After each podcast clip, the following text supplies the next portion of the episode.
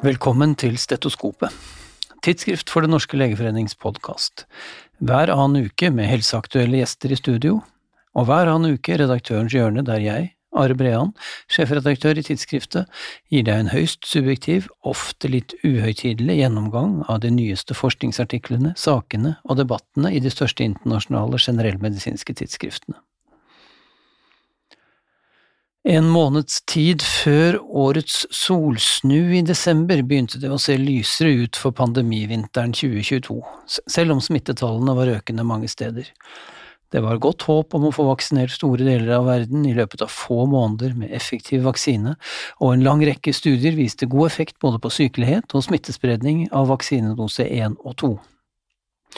Optimismen ble styrket 30. november da det kom nok en Israel-vaksineeffektstudie som viste lovende resultater. Denne gang var dose tre av Pfizer-Biontech-vaksinen sammenlignet med kun to doser hos til sammen over 300 000 israelere. De som mottok dose tre, hadde i denne studien en reduksjon i odds for en positiv PCR-test på 87% i løpet av oppfølgingstiden på 65 dager, sammenlignet med de som bare hadde fått to doser. Men bare få dager før denne studien ble publisert, kom de første rapportene om omikron-varianten som nå grasserer over store deler av verden, og kortene ble nok en gang delt ut på nytt. Et nytt kapittel i covid-19-pandemien skrev Karim og Karim i The Lancet nå 11. desember.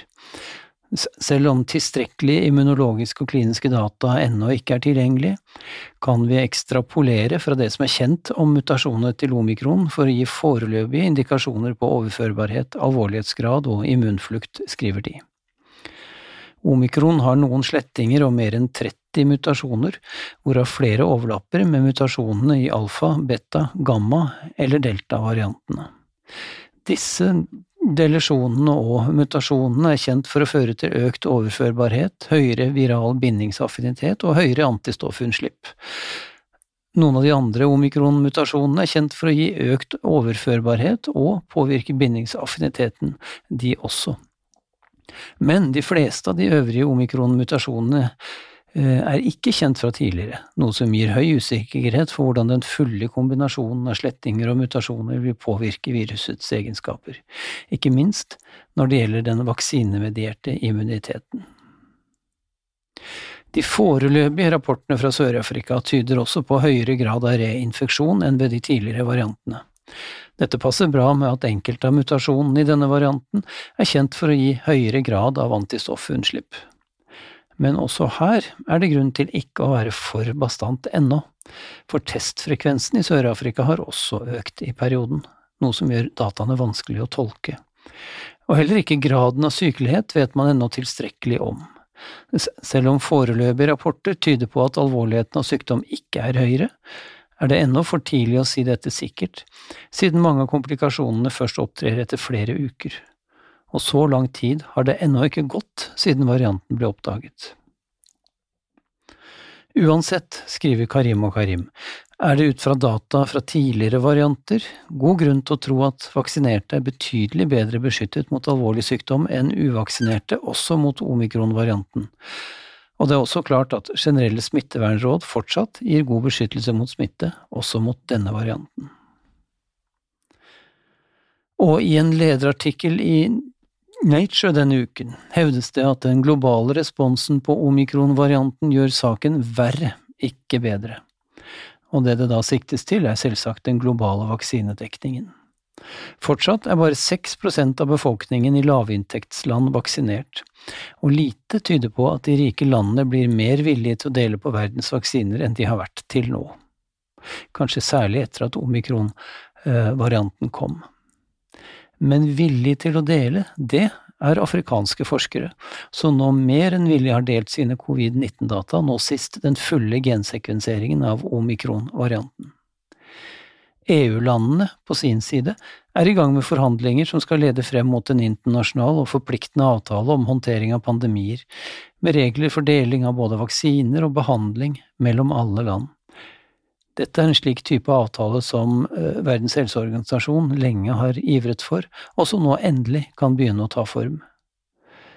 Problemet er imidlertid at man ikke tar sikte på å få avtalen i havn før 2024, tidligst, og at både innhold og ikke minst hvilke land som blir med og hvilken grad av forpliktelse de har, er høyst usikkert. Imens fortsetter alt som før i covid-19-pandemien. Mer enn 100 land, inkludert Kina og USA, og støttet av Verdens helseorganisasjon, krever nå opphør av patentrettigheter på vaksiner og behandling mot covid-19, slik vi har snakket om før. Motstanden sitter først og fremst i europeiske land. Det er nok ikke helt tilfeldig, for det er i disse landene at mye av den farmasøytiske industrien har sine hovedkontorer. Og Covax-samarbeidet, som hadde som ambisjon å levere to milliarder vaksinedoser i løpet av 2021, ser ut til å kunne levere maksimalt 600 millioner doser innen årets utløp. Nå når omikron er på full fart inn, kan samarbeidet nok en gang få et skudd for baugen, når de rike landene nok en gang bestiller først til seg og sine en tredje vaksinedose og lar de mindre bemidlede landene i stikken. Slik håndterer man på globalt nivå pandemien på kanskje dårligst mulig måte. Så til Yama Network Open, der en nylig studie har sett på forekomsten av anoreksia nervosa under covid-19-pandemien. Forfatterne gjorde en tverrsnittsanalyse basert på data fra seks av de ti tertiære pediatriske sykehusene i Canada, som til sammen dekker 90% av den canadiske befolkningen. De fant en økning i antallet anoreksia nervosa-tilfeller siden starten av pandemien. I de fem årene før pandemien var det i gjennomsnitt 24,5 nye tilfeller av anoreksia nervosa eller atypisk anoreksia nervosa per måned. Dette nesten doblet seg til 40,6 i løpet av de ni månedene etter 1. mars 2020. Tilsvarende en økning på 66% Antall sykehusinnleggelser for nylig diagnostisert anoreksia nervosa, eller atypisk anoreksia nervosa, økte også, og disse pasientene hadde som gruppe et mer alvorlig klinisk bilde enn pasienter i de foregående fem årene. Og disse dataene sammenfaller med en annen nylig studie fra Australia, der det også er dokumentert en økning i antallet nye tilfeller av anoreksia nervosa under pandemien, skriver Yong-Yung Kim i en ledsagende kommentarartikkel i Yama. Årsaksfaktorene kan være mange. Blant disse pandemiutløst økning i komorbide tilstander som angst, depresjon og eh, OCD, sammen med sosial nedstengning som har gitt mindre strukturerte hverdager og mindre sosial omgang for barn og unge, mindre matsikkerhet i nedstengingsperioder og mye medieoppmerksomhet omkring risiko for vektøkning under pandemien, skriver forskerne. Uansett bør slike funn minne oss nok en gang om barn og unges særlige sårbarhet i møte med sosiale kriser som en pandemi er. Og når vi først holder på med de minste blant oss, i PLOS Medisin har franske forskere publisert en retrospektiv analyse av en nasjonal kohort av alle gravide innlagt på sykehus for føde i Frankrike i perioden fra januar til juni 2020. Gravide med og uten covid-19-diagnose i innleggelsesøyeblikket ble sammenlignet, og det ble justert for en rekke kjente risikofaktorer som alder, kroppsmasseindeks og tidligere graviditeter. Sammenlignet med ikke-covid-19-gruppen hadde kvinner i covid-19-gruppen høyere frekvens av innleggelse på intensivavdeling, med 5,9% versus 0,1% for ikke-covid-gruppen. De hadde også høyere dødelighet, høyere grad av svangerskapsforgiftning, svangerskapshypertensjon, peripartum og postpartum blødning, prematur og svært prematur fødsel og høyere forekomst av keisersnitt. Dette mens forekomsten av svangerskapsavbrudd, dødfødsler, svangerskapsdiabetes, placenta previa og venøse tromboemboliske hendelser ikke var økt, og der var det ingen forskjell mellom de to gruppene. Noen kausalitet kan selvsagt ikke vises i en slik retrospektiv studie.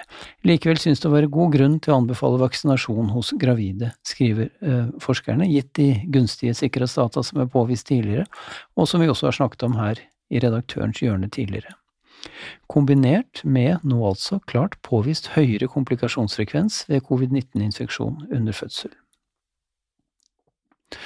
Så til en interessant nyhetssak denne uken i British Medical Journal. De av lytterne med aller best hukommelse vil kanskje huske at jeg i tidligere Redaktørens hjørne har snakket om den ganske så merkelige prosessen hos de amerikanske legemiddelmyndighetene da Alzheimer-medikamentet Adecanumab ble godkjent i hui og hast for noen måneder siden. Historien var merkelig fordi to fase tre-studier ikke hadde lykkes i å vise klinisk effekt av medikamentet inntil analyse av tilleggsdata viste mulig effekt på mengden av amyloide avleiringer i hjernen, men altså ingen sikker klinisk effekt. Et klassisk eksempel på et surrogatendepunkt, altså, og de skal man som kjent passe seg for. Likevel ble medikamentet, som koster rundt en halv million norske kroner per pasient per år, hastegodkjent i USA, i en prosess som endte med at tre av medlemmene i Food and Drug Administration trakk, sin, uh, trakk seg i protest fra den rådgivende komiteen. Men nå foreligger det flere nye data fra de placebo-kontrollerte fase 3-studiene som ble stoppet på grunn av manglende klinisk effekt. Disse er publisert i Yama og referert til i British Medical Journal. Her viser det seg at noe over 40% av deltakerne som fikk høydose aktiv substans, utviklet mikroblødninger og eller hjerneødem, som vurdert ved billedundersøkelser. Omtrent en fjerdedel av disse pasientene hadde ledsagende symptomer og nå å avventes data fra pågående fase fire-studier både når det gjelder sikkerhet og når det gjelder klinisk effekt.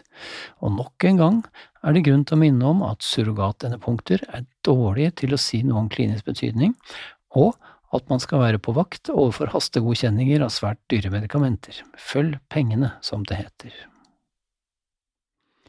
Til sist i dag, til en studie publisert i PLOS Medicine.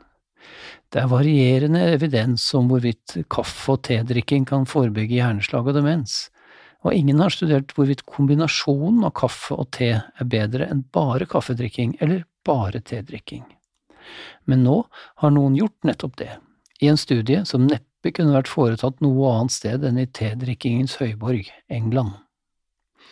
Over 350 000 deltakere mellom 50 og 74 års alder trukket fra UK Biobank ble fulgt i gjennomsnitt i noe over elleve år. Kaffe- og tedrikking ble registrert prospektivt og sammenlignet med senere hjerneslag eller demensdiagnose i løpet av oppfølgingstiden. Og resultatene viser at to til tre kaffekopper hver dag, eller tre til fem tekopper hver dag, eller en kombinasjon av kaffe og te i mengde på fire til seks kopper hver dag, var alle assosiert med lavest risiko for både hjerneslag og demens. Det utgjør en 32% risikoreduksjon for hjerneslag og en 28% risikoreduksjon for demens. All grunn altså til å kose seg med sin førjulskaffe eller te med god samvittighet, og kanskje helst begge deler på én gang. Ha en fortsatt god førjulstid, og så høres vi neste gang.